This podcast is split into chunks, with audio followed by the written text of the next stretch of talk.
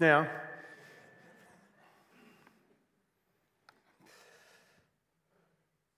and this morning we're going to be focusing on specifically what we can do, how God can work in you and me. So, we're following on in our series in Ezra. And remember, in Ezra, the, the temple had been rebuilt and the people were turning to God, and God then raised up another man, Nehemiah, to come to Jerusalem 13 years after Ezra arrived. And it's most likely Ezra is still in the city of Jerusalem when he arrives. And in chapters 1 to 3 of Nehemiah, which we didn't read, we see that everything is running smoothly. And Nehemiah persuaded the king Artaxerxes to, to send him down to Jerusalem and rebuild the walls of Jerusalem. And so he, he wanted this to happen because he wanted the Jews to be safe and so that they could rebuild their lives and their culture back together again.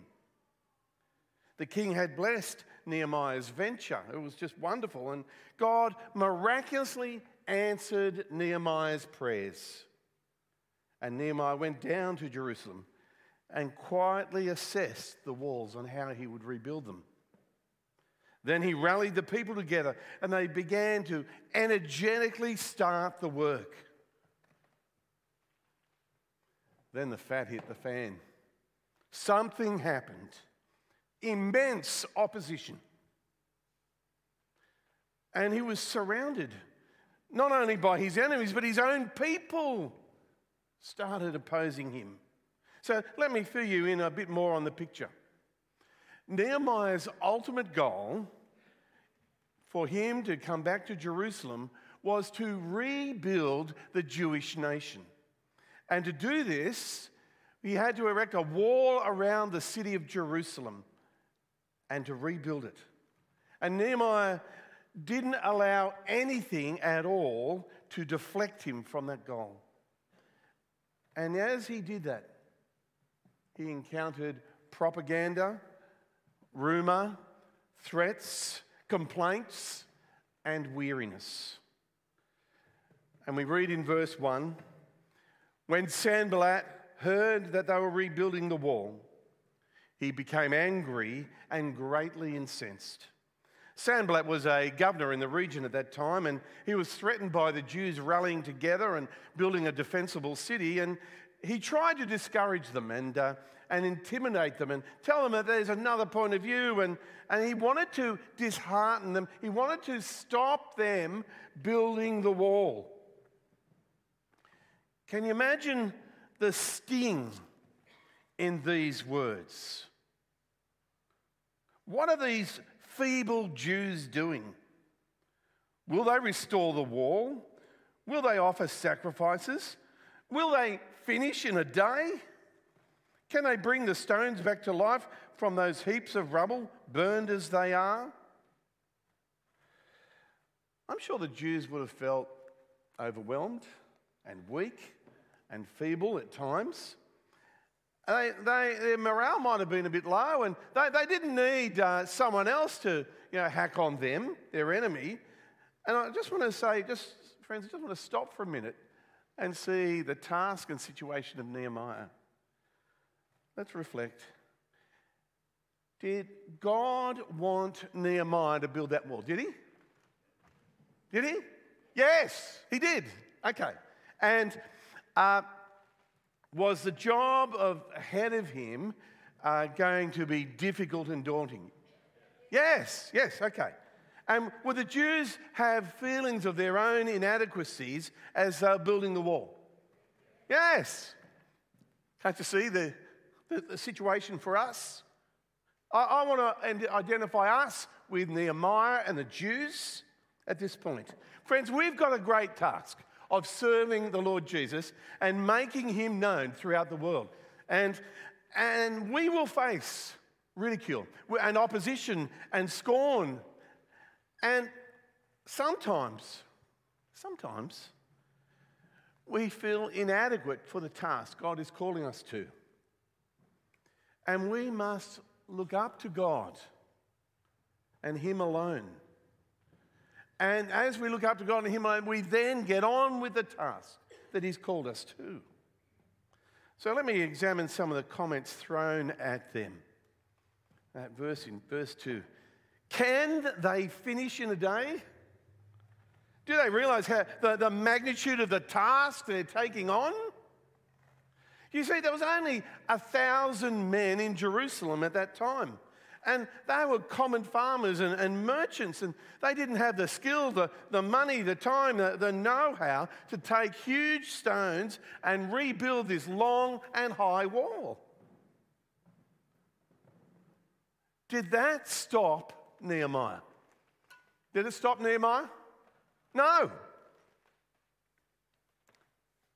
God used his people with a trowel like this. That is imperfect and flawed and at times looks a little grubby. To do something special, special and beautiful. To build up the kingdom of God. And I want to say, He uses you and me today, people who are flawed, imperfect, and uh, at times not looking too great, to do something beautiful and special in your life. Sanballat, the governor and the enemy of God's people, were angry at Nehemiah and they ridiculed the Jews and uh, was using a mixture of, of truths of half truths and lies. And then Tobiah, we, we read in chapter 4, verse 4, it was an Ammonite, lays the boot into him as well. He scoffs at their building program. He says, Look, even a, if a fox were to climb over this building, this, this wall, it'd fall down. And in fact, the piles of land, land, uh, limestone blocks had not been that badly burned and they have not been calcined and, and rendered uh, uh, useless in the fire. The, the only thing that was really reduced to nothing were the gates of the city. And Nehemiah had to contend with this constant barrage of, of mocking that sought to undermine his work that he was doing for the Lord. As Christians, in everyday life, you know, um, we face the same things. We, we hear it on the TV, we, we hear it in social media, uh, we hear people at work, our, even our family and friends at times mock us and put us down. And, and as that happens, it can be terribly, terribly discouraging. And we, we, like Nehemiah, need to recognize the source of that discouragement and not be disheartened. If we can see the, that the vast majority of attacks we come our way that have been driven by Satan to stop the work of God, then I think we've got 70% of the problem licked. Just like Nehemiah, we too have a tremendous task to do. And humanly speaking, it's impossible to do what God has called us to do. And God is calling us to Him. God is calling us to build up the kingdom of God, to make Him known as much as we can. He's calling us to do that. And we know it's a difficult task. We, we know that there'll be opposition and resistance. Friends, our God is with us in those difficult tasks. And He wants us to go forward. And He loves us and He loves this world and He wants to use us. A, uh, a US admiral said this about his successes. It went something like this When you engage in an activity, always determine your ultimate goal or objective. Never never, never lose sight of it. And just like Nehemiah, we too have an ultimate goal. And we are to, to love and trust and obey and serve the Lord Jesus Christ. And we must never, never, never lose sight of that goal in our, life. And there'll be lots of temptations that come our way, and distractions and discouragements. And we are not to lose heart. We're not to lose the plot because if we lose the plot that we're here to love and serve the Lord Jesus, we lose our understanding the meaning to life. We lose the, the understanding of what we are here to do. And in the short time we have on earth, He's got a job for you and me to do. Well, what's Nehemiah's response to this situation? We see uh, in verses 4 and 5, he prays to God. He prays to God and asks God to bring about justice in the situation. And, and we see Nehemiah as someone who pours out his heart and feelings to God and calls on God to, to help him. Nehemiah, Nehemiah sees the scorn that is heaped upon them, and it's demoralizing not only him, but the workers. And he prays that the evil will stop and God's work will continue.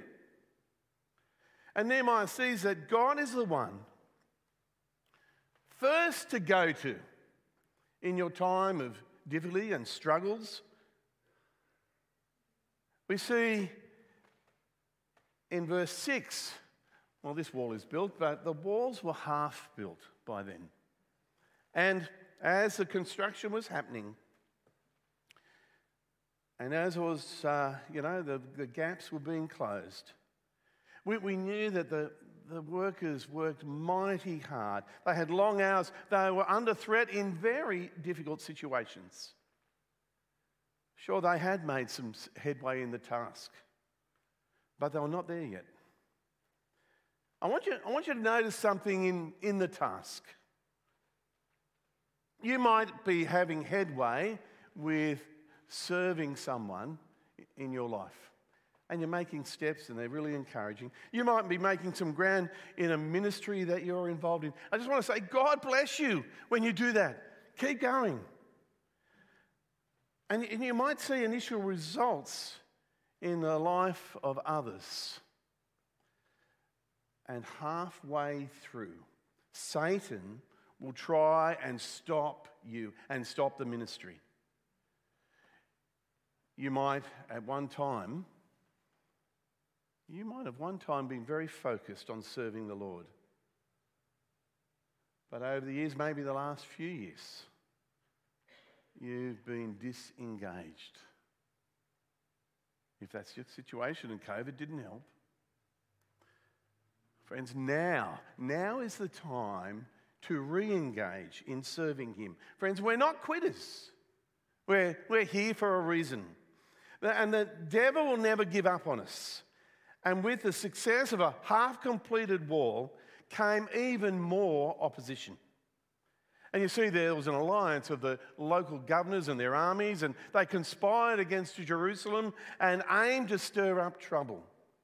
And so we read in verse 7 And when Sanballat, Tobiah, and the Arabs and Ammonites and the people of Ashdod heard that the repairs of to Jerusalem walls had gone ahead and that the gaps were being closed, they were very angry.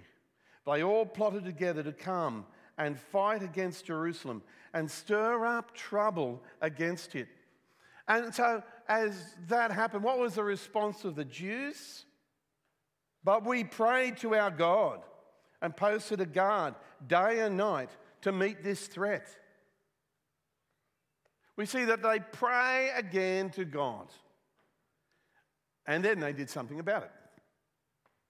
We see in chapter 4, verse 10, the people are feeling overwhelmed. And they're, they're feeling that there is an inability to keep doing the task. They're tired. They're tired and they're now despondent. And I want to ask have you ever felt like that? Tired and despondent? I have.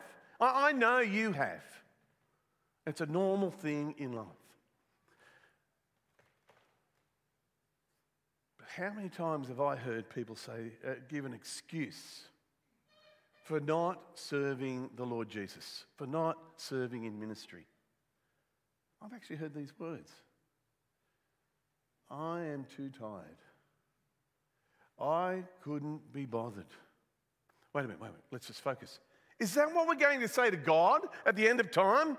I am too tired. I am too bothered to honor you and serve you. We together here are to build up the kingdom of God in this area. That's our job. And we're going to find serving God hard, yes, and tiring, and at times discouraging. That's a reality. And, and as we, we have those feelings, we, we might even find ourselves a bit edgy with each other in the tasks that we're doing. But what does Nehemiah do?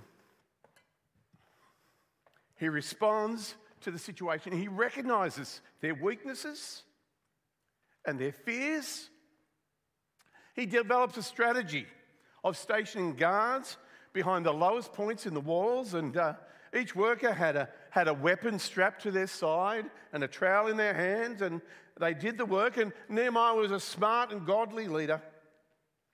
And he made this difficult task personal, achievable for everyone. Friends, I just want to reflect on that.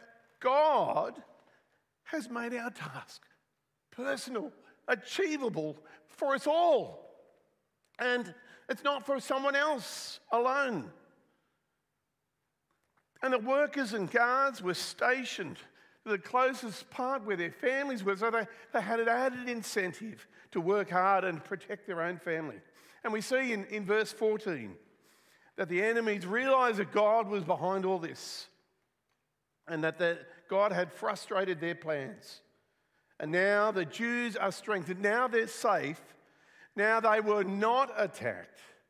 And we just want to say, wow, God's work was done. And then in the, near the end of that chapter, in verses 21 to 23, we see that there was a great cost in the commitment of the workers who lived in that city. They worked extremely long hours, from dawn to night. They even sacrificed home life in order that the great objective was to be achieved. Right now, I'm going to ask you to do two things at the same time. Sorry, gentlemen.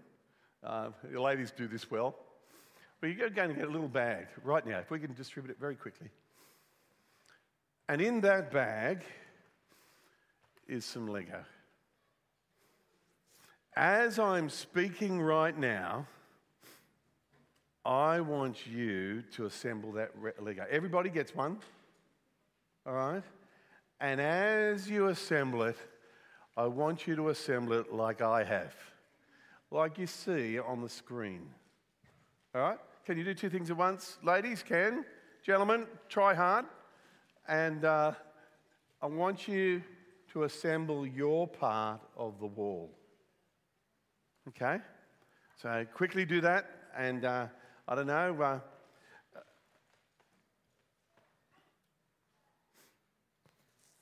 we got to see, we want to see today that we all build God's kingdom together. And as the people of God in His church, we've got a task and there are no exceptions. We are all to play our part in the kingdom of God.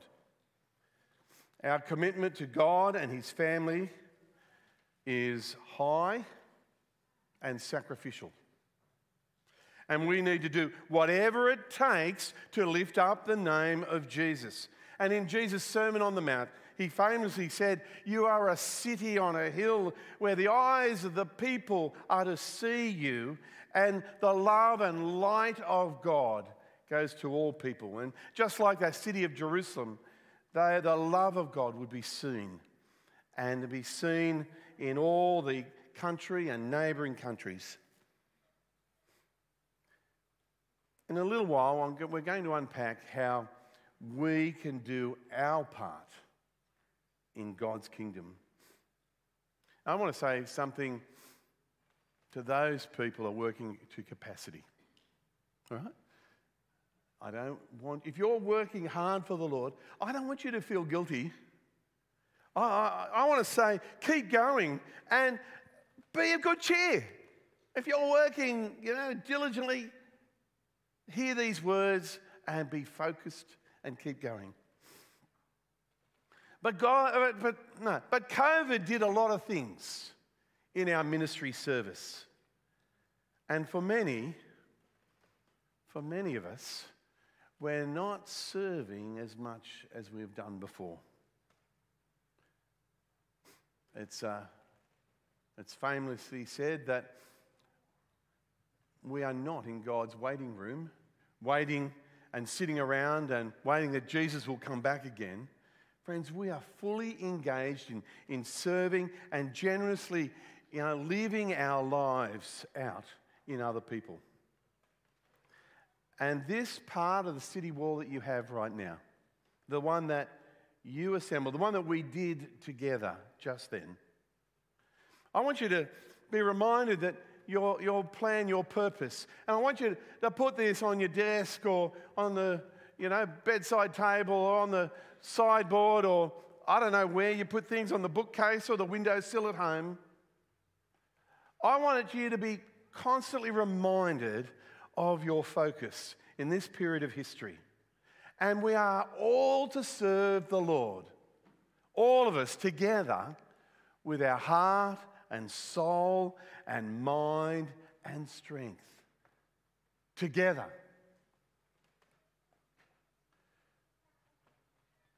We can't, friends, always expect following Jesus to be easy.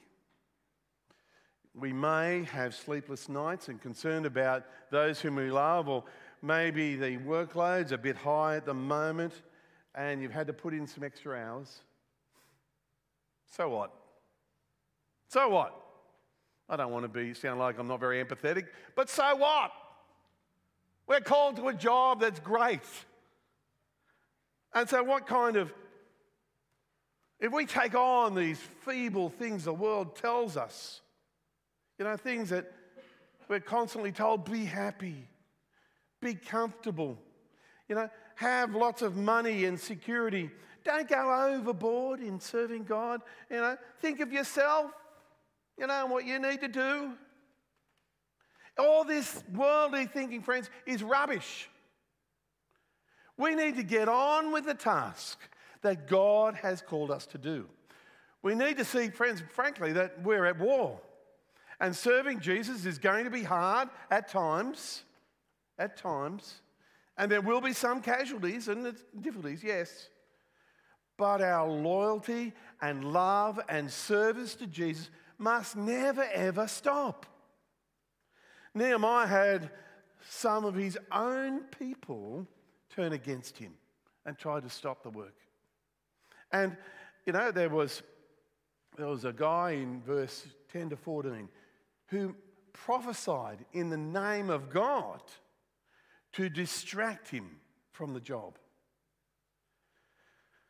Friends, we must remember that all that we do, we must never, never, never, never be distracted from serving the Lord Jesus. That means bringing everything, everything under the rule of Christ. Our time, that's everything our interests, our, our reputation, our money, our resources, our family, our employment, our relationships, our desires, everything comes under the rule of God. Friends, just want to say we're on the winning team. We, we got something so special to do. And we are to build the kingdom of God together. So let me conclude. even though it will be hard and Satan will attack us. We're told in Philippians 1, verse 6, that he who began a good work in you will carry it on to completion until that day when Jesus returns. Let me pray. Heavenly Father, we just want to come clean with you right now and say that there have been many things that have distracted us from following and serving you. please forgive us. And Lord Jesus, we all this morning have been challenged, challenged to stand firm in the midst of opposition that can be very real and hurtful and discouraging. And Lord, help us to be like Nehemiah and bring our doubts and feelings and concerns always to you and get on with the tasks that you have given us. So help us, Lord, always to fix our eyes on Jesus, who is the pioneer and perfecter of our faith, that we might build God's kingdom together. And we pray this in the mighty name of Jesus our Lord. Amen. Friends, we're going to sing a song. It's quite appropriate, really. And it's a triumphant, joyful call to us all to glorify, to look at the glory of God and the, the, the King of glory who rules over us and the one that we joyfully follow. Let's stand.